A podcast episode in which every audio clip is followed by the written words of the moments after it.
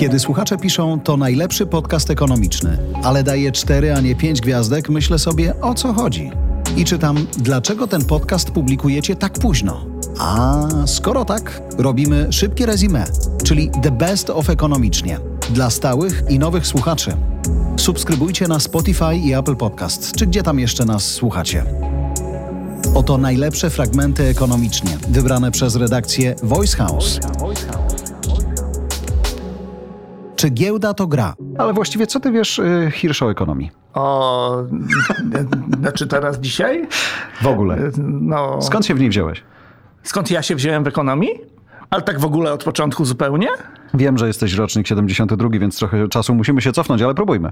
Nie, no, no to chyba najpierw poszedłem na studia związane z ekonomią, bo to było zarządzanie. Musiałeś, chciałeś? Chciałem, chciałem. Koledzy szli, to ja poszedłem z nimi razem na zarządzanie w Sopocie, Uniwersytet Gdański, tam pod lasem. No i, i to jest pierwszy związek, no bo kierunek studiów związany z gospodarką, chociaż pamiętam, że nie byłem specjalnie nią zainteresowany wtedy, na pierwszym roku czy tam na drugim. Natomiast y, potem był 93 rok i była hossa na giełdzie i zainteresowałem się giełdą. Jak gdyby zupełnie niezależnie od moich studiów. Ale one pomagały rozumieć, co tam się dzieje, czy nie? No jak już się zainteresowałem giełdą, no to tak, to zacząłem czytać gazety. Pamiętam, że byłem wielkim fanem Rzeczpospolitej i gazety giełdy Parkiet. Pani w kiosku... Wciąż żyją te pani gazety, w kiosku co mi... też nie jest takie oczywiste. Świetnie, że żyją. Pani w kiosku mi odkładała Parkiet. To były takie czasy, tak. A giełda oczywiście była w telegazecie. Pamiętam, że... Słuchacze podcastu myślą sobie, Co to jest Boże, telegazeta? seniorzy siedzą nad mikrofonem, żeby wspomnieć 93 rogi giełdę. Y, Swoją drogą 16 kwietnia jest 30-lecie pierwszej sesji. Pierwszej sesji nie pamiętam, nie miałem o niej zielonego pojęcia, natomiast zainteresowałem się giełdą jak miała tam 2,5 roku. Ale chciałeś doprowadzić się do czerwonych szelek, koszuli i maklerstwa, Nie no, nie? ja jak się dowiedziałem o co chodzi na giełdzie i jak zobaczyłem jak wyglądają te notowania, to byłem przekonany, absolutnie byłem przekonany na 100% wraz ze wszystkimi moimi znajomymi, którzy dokonali tego odkrycia w tym samym momencie mniej więcej, że nie będziemy musieli więcej pracować w życiu. Że po prostu zostaniemy milionerami na tej giełdzie. Mieliśmy taką postawę mniej więcej jaka dzisiaj jest w Stanach Zjednoczonych dzięki tym apkom typu Robinhood darmowym. To widać na TikToku na przykład. Jest cała masa różnych Tak, inwestorów. eksperci. I oni mają dokładnie to podejście, które ja miałem w 1993 roku. Czyli po prostu wystarczy kupić coś, co drożeje, a jak przestanie drożeć, to trzeba to sprzedać. No i się zarobiło, nie? I potem trzeba znaleźć następne coś, co drożeje i sprzedać jak przestaje drożeć i zaczyna tanieć. I to jest bardzo proste po prostu. No oni mają 15 sekund na to, żeby to wytłumaczyć, a ty No wariat właśnie. poszedłeś I, na studia. I no. że to, nie, na studia poszedłem wcześniej, nie dlatego. Byłem przekonany, że to jest droga po prostu do sukcesu i bardzo, w bardzo krótkim czasie zostaniemy milionerami. Potem się okazało, że jednak nie zostaniemy milionerami, ale giełda bardzo mi się podobała. Ale rozumiałeś wszystko, co tam się dzieje? No wiesz co, no zacząłem się tak bardzo aktywnie edukować, no poza studiami, bo na studiach to nie było na ten temat zbyt dużo wtedy, więc zacząłem się dokształcać. Nie miałem zielonego pojęcia, jak ja to zrobiłem, bo nie było wtedy internetu, ani nie było Amazona. No nie, była ale- telegazeta, hello. a, ta, a kupiłem sobie taką wielką, grubą księgę dotyczącą analizy technicznej na giełdzie po angielsku ze Stanów Zjednoczonych. I jakiś czas temu się zastanawiałem właśnie, jak ja to zrobiłem. I ja nie wiem, jak się kupowało książki ze Stanów Zjednoczonych w Polsce w 1994 roku. Nie pamiętam już. Ale przyjechała do mnie po jakimś czasie, więc ją jakoś tam kupiłem. I wiem. teraz słuchacze, ci młodsi myślą sobie, jak to no stary, nie było Amazona? No właśnie nie było, nie? I to było takie... Więc y, no potem się okazało, że nie będę milionerem, y, ale że w związku Ale z tym, że giełda mi się... przez co? złe inwestycje. Tak okazało się, że to nie zawsze wychodzi, tak? Że można skupić tanio i sprzedać drogo. Czasami wychodzi na odwrót niestety. I tak człowiek kręci, kręci, kręci i po trzech miesiącach jest w punkcie wyjścia, nie? Już tam o, zarobił dużo, zarobił, potem jest jedna transakcja, pff, a nie poszło i wróciliśmy. Stoczyliśmy się z tej górki z powrotem do punktu startu, więc potem postanowiłem, że będę maklerem w związku z tym papierów wartościowych i żeby nim zostać, trzeba zdać egzamin państwowy, więc y, No, już miałeś książkę ze Stanów. egzamin. Tak, miałem książkę ze Stanów i miałem różne inne książki, uczyłem się pilnie. Pamiętam, że wtedy jak się uczyłem do egzaminu maklerskiego, to się nauczyłem kodeksu handlowego na pamięć. Kodeksu handlowego? Tak, ta, takiego, co ma tam. Nie, bardzo, znaczy, dzisiaj on już nie istnieje, bo już był hmm. wielokrotnie nowelizowany. Dzisiaj są inne przepisy, ale wtedy to była dość gruba książka. Ja się go nauczyłem na pamięć właściwie przez przypadek. Sam się zdziwiłem, że po prostu pewnego dnia okazało się, że ktoś mówi, że w artykule numer 587 w kodeksie handlowym jest coś, a ja mówię, nie, to jest w 588, przecież w 587 jest to. I się nagle okazało, że kurczę, tak mi się to wbiło do głowy. Potem bardzo szybko tego, tego zapomniałem. Zdałeś to się egzamin? zaktualizowało. No i nie zdałem. Nie, zabrakło mi 10 punktów do bycia maklerem. Rozłożyłem się na pytaniach o rachunkowość papierów wartościowych, bo stwierdziłem, że bo tam jest kilka dziedzin, które mhm. trzeba opanować. I wszystkie były, no niektóre łatwiejsze, niektóre trudniejsze, a rachunkowość papierów wartościowych była dla mnie kompletnym kosmosem. Nie wiedziałem o co tam chodzi. I tak sobie myślałem, to oleję to. To nawet jak będą ze dwa pytania, no to na wszystkie inne odpowiem, to to sobie odpuszczę i sobie odpuściłem. No i zamiast dwóch pytań było siedem i zabrakło mi 10 punktów i nie zostałem. Więc ani nie zostałem milionerem, ani nie zostałem potem maklerem. Natomiast została mi ta wiedza w głowie z tych przygotowań. Studia mi się wtedy znudziły strasznie, bo właściwie to wszystko, co było na tych studiach, to ja już wchłonąłem wcześniej. I wtedy poszedłem pracować do radia w Gdańsku publicznego, do Radia Gdańsk. I tam w związku z tym, że studiowałem kierunek związany z ekonomią i interesowałem się giełdą, a oni akurat tam szukali takiego człowieka, który by to ogarniał, no to tam zostałem.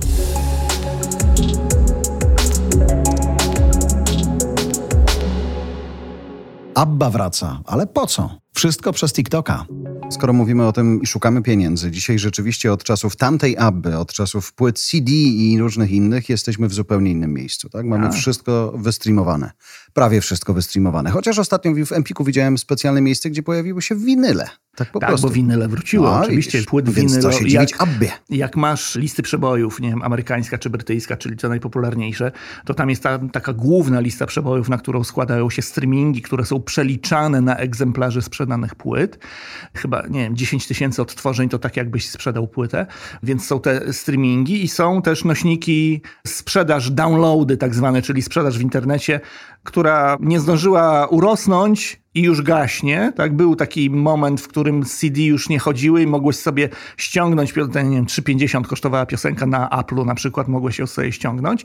No i są te stare nośniki fizyczne. Jeśli chodzi o te nośniki fizyczne, to ten winyl zajmuje zdecydowanie więcej miejsca niż płyty kompaktowe w tej chwili. Natomiast rewolucja też moim zdaniem polega na tym, że zmieniła się troszeczkę funkcja muzyki. Znaczy młodzi ludzie dzisiaj wykorzystują muzykę w nieco innych celach niż wcześniej. Moim zdaniem przede wszystkim traktują muzykę jako podkład do tego, co sami tworzą w filmach, na YouTubie, na TikToku. TikTok tak właściwie dzisiaj dyktuje warunki a propos tego, co się najlepiej sprzedaje. TikTok, które... mimo że nie jest platformą streamującą muzykę ani Tak, ale innego. na TikToku, wiesz jak działa TikTok? Na no tak. TikToku tak. sobie tworzysz sam różne mhm. jakieś tam filmy, które mają 30 sekund i często potrzebujesz podkładu muzycznego, który jest bardzo ważną częścią, bo on tam dopełnia coś śmiesznego i nie możesz sobie tam, wydaje mi się, że nie możesz wgrać tego, co chcesz, masz tam bibliotekę tak, różnych tak. utworów Aha. do wyboru. Ona jest bardzo szeroka, natomiast pewnymi marketingowymi chwytami oni promują to, podsuwają ci, który podkład wziąć i w ten sposób wpływają na to, co de facto się sprzedaje na rynku. Więc tak właściwie, jeśli chcesz wypromować jakiś nowy przebój, to najpierw musisz się dogadać z TikTokiem, żeby cię wrzucił w tą bibliotekę, a potem jeszcze im zapłacić, żeby cię tam częściej podsuwał. To w tej chwili tak. Czytałem artykuł o tym, że tego nie robi algorytm,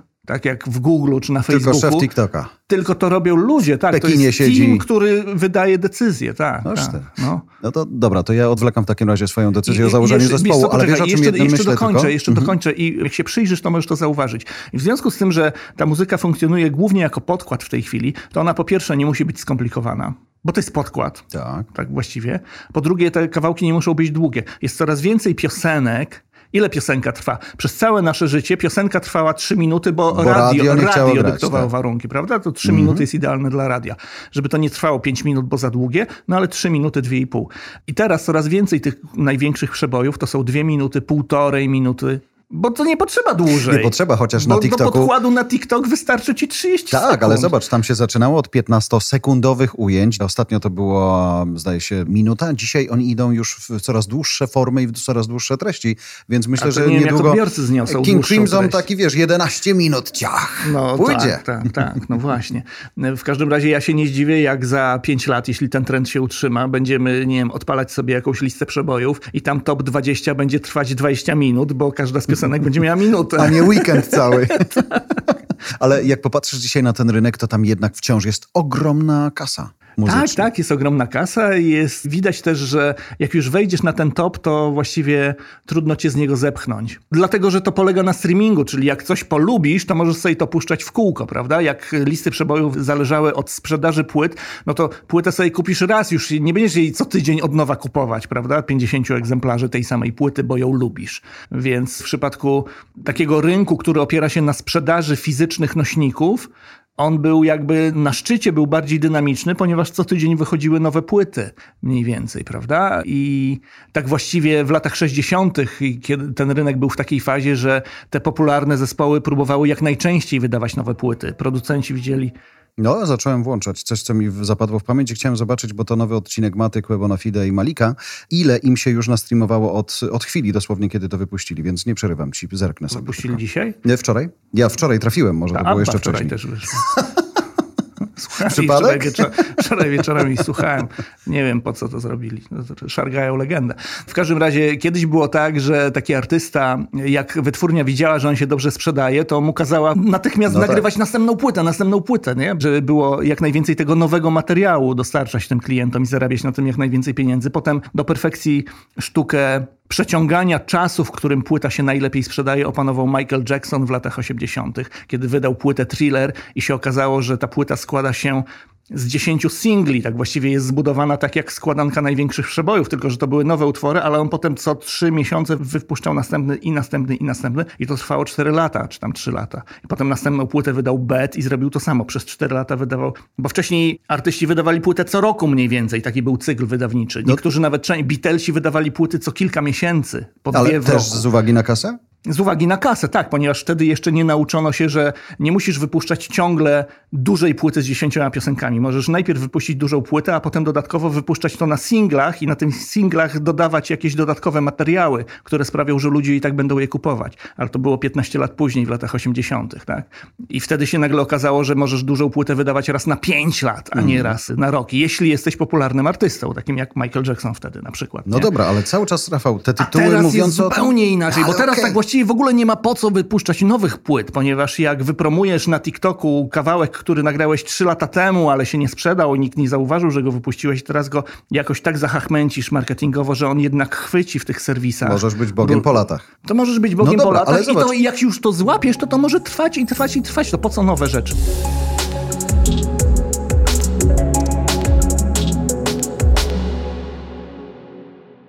Płaca minimalna. Dla kogo jest ważna i od kogo zależy? Jest taki wspaniały mechanizm wymyślony, który jest zapisany w ustawie od wielu lat. Kilkunastu, może nawet nie wiem, od 20, nie pamiętam kiedy to się pojawiło. Więc płacę minimalną w Polsce, poziom płacy minimalnej wyznaczają za pomocą konsensusu rząd, czyli pan Mateusz Morawiecki, A pracodawcy mają jakiś przedstawiciele wpływ? pracodawców i przedstawiciele pracowników, czyli związki zawodowe. Czyli są związki zawodowe, organizacje pracodawców i rząd. I proces polega na tym, że gdzieś tak do połowy czerwca rząd rzuca kwotą, Ale wymyśloną z czego? Z jakiegoś gusowskiego badania, danych czy czego? Bierzesz pod uwagę to, ile wynosi dzisiaj płaca minimalna i... Dokładasz inflację? Tak, tak, i tam dokładasz. Okej. I to jest opisane w ustawie, tak. I rzucasz tę cyferkę, ale oczywiście premier może rzucić dowolnie wyższą. Nie może mniej, Mhm. ale może wyższą dorzucić, jak mu się podoba. To jest jego decyzja polityczna. Później rzuca to w oczy pracodawcom. Rzuca to w oczy pracodawcom i, I związkom. i, związkom i Oni oni, dyskutują i mają tam, nie wiem, 30 dni na to, żeby się dogadać, żeby ustalić. I to, co oni ustalą, to tego premier nie może wyrzucić do śmietnika. Natomiast jak się nic nie ustalą, bo się nie są w stanie dogadać, no to wtedy premier rozkłada ręce i mówi, no sorry, no nie możecie się dogadać, kraj nie może zostać bez płacy minimalnej, więc to ja w takim razie pozwólcie, że wyznaczę. I wtedy on wyznacza, musi to zrobić do września i wtedy obowiązuje to, co on wyznaczył, bo pracodawcy ze związkowcami się nie dogadali. Więc to jest jakby taki tryb awaryjny, prawda, na sytuacje wyjątkowe. Tylko, że w Polsce jest tak, że od wielu, wielu, wielu, wielu lat co roku mamy właśnie tą sytuację. Znaczy pracodawcy ze związkowcami kompletnie nie są w stanie się dogadać co roku i w związku z tym zawsze jest tak, że w praktyce decyduje premier o tym, jaka jest, bo z drugiej strony stołu są partnerzy, którzy nie są w stanie się ze sobą dogadać. Najczęściej jest tak, że pracodawcy chcą, żeby ta podwyżka płacy minimalnej była jak najmniejsza, a związkowcy chcą, żeby była jak największa. I jak premier tam dorzuca troszeczkę, no to wtedy pracodawcy mówią, o fajnie, fajnie, rozsądne posunięcie, tak jest w tym roku na przykład. Premier teraz zaproponował, żeby ta płaca minimalna urosła z 2800 na 3000 w przyszłym roku, czyli o 7%. Powyżej inflacji, przynajmniej na tę chwilę. No, tak. No i pracodawcy mówią, nie ma sprawy. Okej, okay, nie ma sprawy, ponieważ związkowcy chcieli podwyżki nie o 200 zł, tylko tam 400 czy 500. Zależy, którzy związkowcy jeszcze, bo jest ich dużo. Tak samo jak pracodawców. Czyli nie? później jest Więc tak, oni że... jeszcze w ogóle między sobą się muszą dogadać, a potem jeszcze na forum tej Komisji Dialogu porozumieć się z drugą stroną. Nie są w stanie tego zrobić. W tym roku mamy tak, że pracodawcy są zadowoleni, a związkowcy pewnie za chwilę się okażą, że dla nich to jest nie do zaakceptowania i znowu premier coś tam wyznaczy we wrześniu. Zasada jest taka, że jeśli dochodzi do tego, że to premier musi wyznaczać, to on we wrześniu nie może powiedzieć mniej niż powiedział w czerwcu. Więc jak już w czerwcu powiedział 3000, to we wrześniu nie może się zreflektować i powiedzieć e, 2900. To tak nie może. Może dorzucić do 3000 więcej, 300, 3200, ale poniżej 3000 zejść nie może. W sumie Więc to nie jest dużo. 3000 no. brutto no to nie jest dużo. No. no to właśnie cały sens płacy minimalnej polega na tym, żeby nie było tak, że chodzisz 8 godzin, czy czasami nawet więcej w przypadku tych najmniej płatnych. To są ciężkie mhm. zawody najczęściej, ciężka praca. Żeby nie było tak, że całe życie w niej zasuwasz i właściwie kompletnie nic z tego nie masz. No bo kompletnie nic z tego, znaczy nie jesteś w stanie zrobić żadnego kroku w swoim życiu, poza tym, że starczy ci tam do pierwszego albo czasami nie starczy. Tak więc, żeby unikać takich sytuacji, powiększania obszaru biedy, bo jeszcze jak ktoś ma zdarzenie zdarzyło mu się jakieś nieszczęście w życiu, nie jest w stanie pracować, jest, nie wiem, obłożnie chory albo spotkało go coś innego, no to wtedy okej, okay, różne rzeczy się w życiu zdarzają, tak? Natomiast ludzie, którzy faktycznie pracują i się starają, tylko że mają taką pracę, że tam się niesamowicie mało zarabia z różnych przyczyn, bo to nie jest kwestia ich umiejętności zawsze, to jest czasami kwestia warunków rynkowych, tak? Więc płacę... Tylko zobacz, mówimy o warunkach rynkowych i mówimy o polityce. Przychodzi premier i mówi, dobra, będzie 3000. No. I wtedy rozumiem, że oczywiście musi się dogadać No to jest naruszenie warunków no właśnie, rynkowych, którzy mogą powiedzieć, tak? stary, 3000 dla mnie, dla mojej firmy, jak ja mam, nie wiem, 1000 pracowników, każdemu muszę zapłacić po 200 brutto więcej nagle, to szlak mnie trafi. Tak, tak, tak. No zawsze jest tak, że masz dwie strony medalu i to jest ta druga strona medalu. Tak to oczywiście to jest naruszenie tego mechanizmu rynkowego, że stawiasz taki próg, poniżej którego to nie może, nie może zejść. Natomiast wielu przeciwników płacy minimalnej mówi, że to może powodować, że ci ludzie, którym pracodawca płaciłby mniej niż tą płacę minimalną, to że on ich zwolni z tej pracy, bo skoro ma im dać więcej, to jemu się to nie opłaca, więc ich wywali z roboty, więc de facto podnoszenie płacy minimalnej powinno zwiększać bezrobocie, tak? Albo generalnie zakłócać w ten sposób rynek pracy i z wielu różnych badań wynika, że to tak nie działa jednak, że to jednak nie jest, znaczy najczęściej w zdecydowanej większości przypadków jest tak, że ten pracodawca, no on pomarudzi, pomarudzi, ale jednak zostawi tego człowieka, no bo skoro już go zatrudnił, znaczy, że on mu jest potrzebny do czegoś, tak? To nie jest tak, że pracodawca jest panem i władcą i może dowolnie zwalniać i zatrudniać dowolną liczbę osób, prawda? Znaczy, jak nie potrzebujesz tego pracownika, to go w ogóle nie zatrudniasz, bo po co na początku, tak? A jak już go zatrudniłeś, znaczy, że on coś tam robi ci w tej firmie, jest do czegoś potrzebny, więc jeśli masz się go pozbywać, no to musisz się zastanowić, co w zamian, nie wiem, czy coś zmodyfikujesz w tym procesie produkcyjnym, czy tam w modelu biznesowym. To nie jest takie łatwe.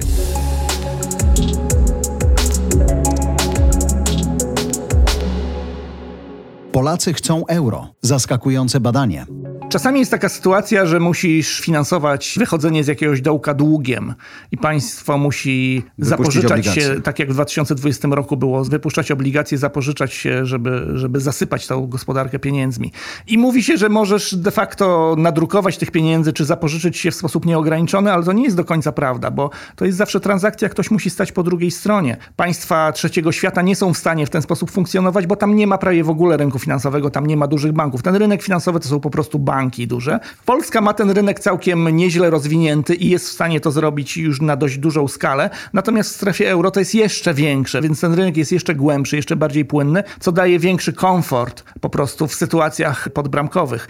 Jeśli chodzi o politykę Europejskiego Banku Centralnego, on też ma jakby dość szerokie możliwości, które stosuje już w tej chwili. Nie wszystkie one są stosowane w Polsce, nie było takiej potrzeby, to jest inna sprawa. Natomiast od tej strony to otoczenie instytucjonalne też mam wrażenie, że staje się bardziej takie solidne i bezpieczne i w niektórych przypadkach takich podbramkowych to ma znaczenie dla gospodarki. Czyli zyskujemy na wiarygodności ekonomicznej bardziej niż do tej pory. Mamy dostęp do nowych rynków, mamy dostęp do innych pieniędzy, do tańszego pieniądza. Jak to jest? Teraz poruszaliśmy takie kwestie z punktu widzenia państwa, że państwo w sytuacji kryzysowej ma większe pole manewru, prawda? Natomiast jeśli chodzi o prywatne przedsiębiorstwa, no to też no, emitują ten dług jednak w. Jak polska firma chce wyemitować dług na rynkach finansowych, no to emituje go w złotych. Z punktu widzenia tego inwestora zagranicznego tu jest jakieś dodatkowe ryzyko walutowe, prawda? Co działa na niekorzyść tego emitenta. Jeśli polska firma wyemituje obligacje w złotych, no to pewnie je sprzeda, ale ten inwestor zagraniczny powie, dobra, kupię te obligacje, ale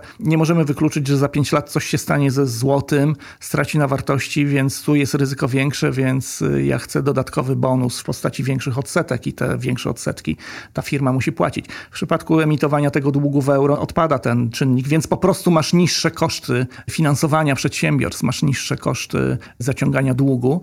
Pewnie też niższe koszty zdobywania nowego kapitału własnego, bo rynki kapitałowe też są lepiej rozwinięte w strefie euro. Więc to się przekłada na taką codzienną działalność firmy i jest to można uznać, że to może nie jest aż tak bardzo istotne w codziennej działalności, ale jednak jak potem to wszystko podliczysz, to się okazuje, że to ma znaczenie. No a poza tym y, takie miękkie rzeczy też się pojawiają, typu poziom zaufania innych inwestorów, tak? czyli generalnie poziom nastrojów wśród y, biznesmenów, wśród przedsiębiorców, który potem się przekłada na ich decyzje inwestycyjne. Tak? Mam wrażenie, że dysponując walutą euro, będąc w strefie euro, łatwiej byłoby po prostu też w Polsce inwestować bo z jednej strony właśnie odpadłoby to ryzyko związane z tym, że to jest inna waluta, a z drugiej strony my się dzisiaj cieszymy, że czasami jakaś duża inwestycja do Polski przyjedzie i ktoś postawi jakąś nową, dużą fabrykę. To są cały czas takie ważne wydarzenia, o których się mówi. Tak? Mam wrażenie, że we Francji, czy w Niemczech, czy w Holandii nie mówi się o takich wydarzeniach, bo one się codziennie dzieją. Tak? Tylko, to że jest wiesz, normalność. To teraz tam. pogadajmy o tym z perspektywy... inne piętro już prowadzenia tego typu działalności. Gdybyśmy pomyśleli teraz nie obywatelem i nie krajem, krajem, ale przedsiębiorstwem. Czy tym, którzy dzisiaj produkują w Polsce, płacą w złotych, ale sprzedają i sprzedają w euro, to by się opłacało? Chodzi ja wiem, że to chodzi zależy... ci o takie ryzyko walutowe Nawet nie tyle ryzyko walutowe. Czy dzisiaj firmy, które ro robią w Polsce, płacą po polsku, ale sprzedają za euro? Nie wiem, godzina pracy informatyka, tak? On żyje w Polsce, pod Białymstokiem powiedzmy, dostaje 35 euro za godzinę, no to dla niego to jest fajna rzecz, ale gdyby ta firma działała już na rynku europejskim i wszystko robiła w euro, no to pytanie, czy z perspektywy perspektywy przedsiębiorstw dzisiaj wchodzenie do strefy euro byłoby dobrym rozwiązaniem. Wiesz, to też nie byłoby tak automatycznie, że ona od razu zaczyna działać na rynku europejskim. Ona dalej może działać na tym samym rynku, na którym działała wcześniej, tylko mhm. waluta, w której się rozlicza, się zmienia. Tak? Firma z Białego Stoku nadal może obejmować swoim zasięgiem Łomże i Ostrołękę i nie musi od razu wchodzić do Mediolanu i Lizbony, tylko dlatego, że weszliśmy do strefy euro, więc to się nie stanie tak automatycznie. Firmy, które mają kontrahentów zagranicznych, to im oczywiście znika ryzyko walutowe i wielu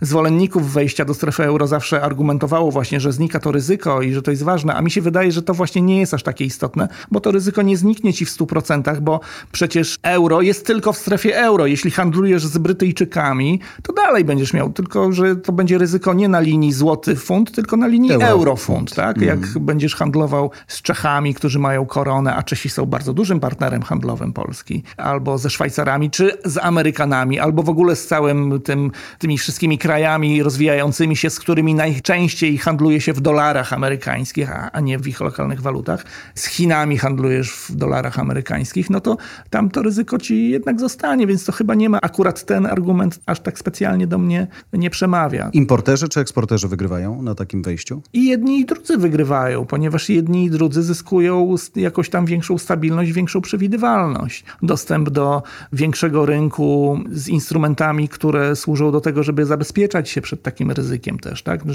Wchodzimy do grona państw, które generalnie dysponują lepiej rozwiniętym rynkiem finansowym. To też wiąże się z dodatkowymi ryzykami. Jak padał Lehman Brothers, to się okazało, że ten kryzys na zachodzie Europy jest znacznie większy niż u nas właśnie dlatego, że oni byli tymi dodatkowymi instrumentami bardziej połączeni ze Stanami Zjednoczonymi niż my. My wcale prawie nie byliśmy, bo w ogóle nie mieliśmy takich instrumentów. Ale, że tak powiem, w czasach pokoju, w normalnych czasach, to też się pewnie przydaje z punktu widzenia takiej tam zwykłej firmy.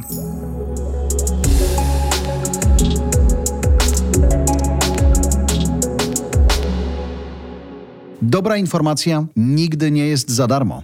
Informacja i produkcja informacji bardzo dużo kosztuje. Tak, w związku z tym powinny być gdzieś jakieś źródła przychodu związane z tą działalnością faktycznie, no bo jeśli ta informacja jest za darmo, czyli tak jak większość ludzi wyobraża sobie, że powinno być, no to w tym momencie cierpi na tym jakość całej tej informacji, no bo to robi się działalność tak zwana low-costowa, a niestety, żeby mieć... Za chwilę wejdziemy w dyskusję, co to jest dobra informacja, co to jest niedobra informacja i to będzie trudne generalnie, natomiast wydaje mi się, że każdy może sobie mniej więcej wyobrazić, jak wygląda informacja, która faktycznie coś daje w życiu, jakąś wiedzę albo do czegoś się przydaje, a jak wygląda informacja, która właściwie jest tylko stratą czasu, tak? Coś, coś się kliknęło i się okazuje, że są jakieś tam bzdury. No zobacz, dzisiaj z raportu PIE... W każdym razie chodzi mi o to, że bez pieniędzy będzie coraz więcej informacji, które są dziadowskie, ale ich będzie pełno i tak właściwie trudno będzie od tego uciec i właściwie wszystkie serwisy informacyjne w internecie będą wyglądać dokładnie tak samo i będą wyglądać tak samo źle niestety, i będą jakby skazane na zależność od reklamodawców, którzy to reklamodawcy będą żądać coraz więcej i coraz więcej. Zresztą polski internet przechodził przez tą fazę parę lat temu, że właściwie jak otwierałeś dowolną stronę, to byłeś zalepiony tymi banerami, które tak. wyskakiwały ale jeden to nie po działa. drugim. Znaczy to daje liczby. No już się dowiedzieliśmy, że nie działa, tak. ale kilka lat musieliśmy w tak. tym tkwić, tak? Mało tego, jak dzisiaj patrzę sobie po Kuźniar Media, to wielu klientów cały czas myśli, że to działa i bardzo tego chce. Nie chce żadnych innych, bardziej zniuansowanych, wymyśl silnych kampanii brand contentowych, po prostu ma być banner, ma się kliknąć i już. Czyli jakby potwierdzasz jakby y, pośrednio, że ten model rodzi pewnego rodzaju problemy, tak? Bo, tak, jakby bo, zaangażowanie. No bo, bo rozmawiasz z tym reklamodawcą, czy też z pośrednikiem, z domem mediowym, którzy nie muszą wyczuwać tego samego, tych samych niuansów, są przyzwyczajeni do tego, że gdzieś indziej na rynku jest prościej, więc chcą, żeby tutaj też było prościej i w tym momencie każdy serwis, jest taki nacisk ze strony tych reklamodawców, żeby te serwisy standaryzować, żeby w każdym było tak samo, żeby to wszystko podobnie wyglądało, bo dla nich to jest bezpiecznie, oni nie chcą eksperymentować, bo to nie jest ich serwis. To nie? prawda i tam też pojawia się duża automatyzacja. Automatyzacja jest, tak. potrzebuje tak. pewnego schematu. I to wszystko jest ze szkodą dla konsumenta, dla tego odbiorcy na końcu, tak? bo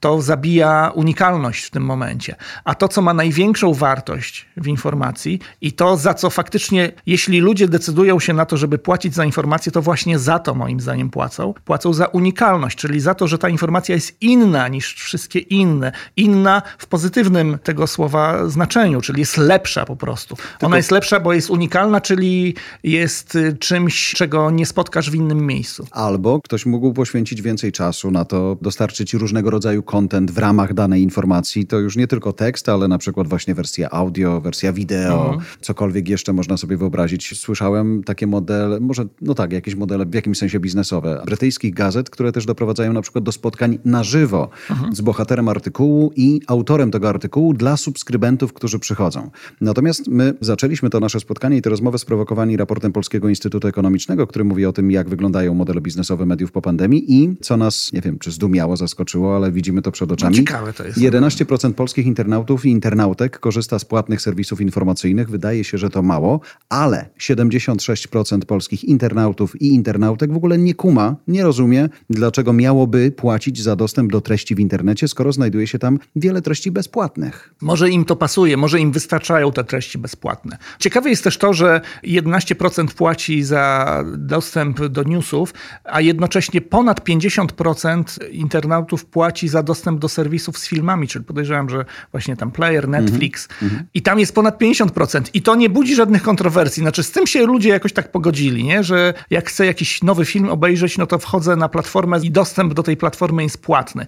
Czyli film nowy film jest takim rodzajem treści, o którym myśli się tak domyślnie, że to faktycznie trzeba zapłacić. Ale Dlatego, że to było jakaś... w kinie i w kinie musiałeś bilet kupować, nie? No tak, ale bo zobacz, od takiego momentu, w którym na różnych torrentach i tak dalej ludzie sobie kradli różne rzeczy, też już odeszliśmy i dzisiaj myślę ten szacunek właśnie dla treści poprzez zapłacenie abonamentu Netflixowi, Playerowi czy innemu HBO jest już czymś w jakimś sensie naturalnym. Może informacja tego się też doczeka kiedyś, tylko że na razie ludzie Może nie tak. widzą w tym wartości. Może tak.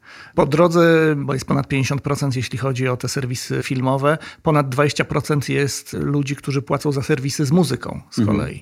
Czyli tutaj to też wygląda dość ciekawie. Natomiast faktycznie ta informacja, te tak zwane newsy, to jest ten rodzaj treści, których się nie ceni w tym momencie aż tak bardzo. Może faktycznie, może jest szereg takich ludzi, którzy po prostu tego nie potrzebują, którzy nie czytali nigdy w życiu tak zwanych w cudzysłowie poważnych gazet, tak, i nie oglądają telewizji informacyjnych, bo nie jest im to do niczego Ale z drugiej potrzebne. strony zobacz, dzisiaj wchodzisz na gazeta.pl, czy wchodzisz na Newsweek nawet, próbujesz doczytać do końca i wiesz, że nie.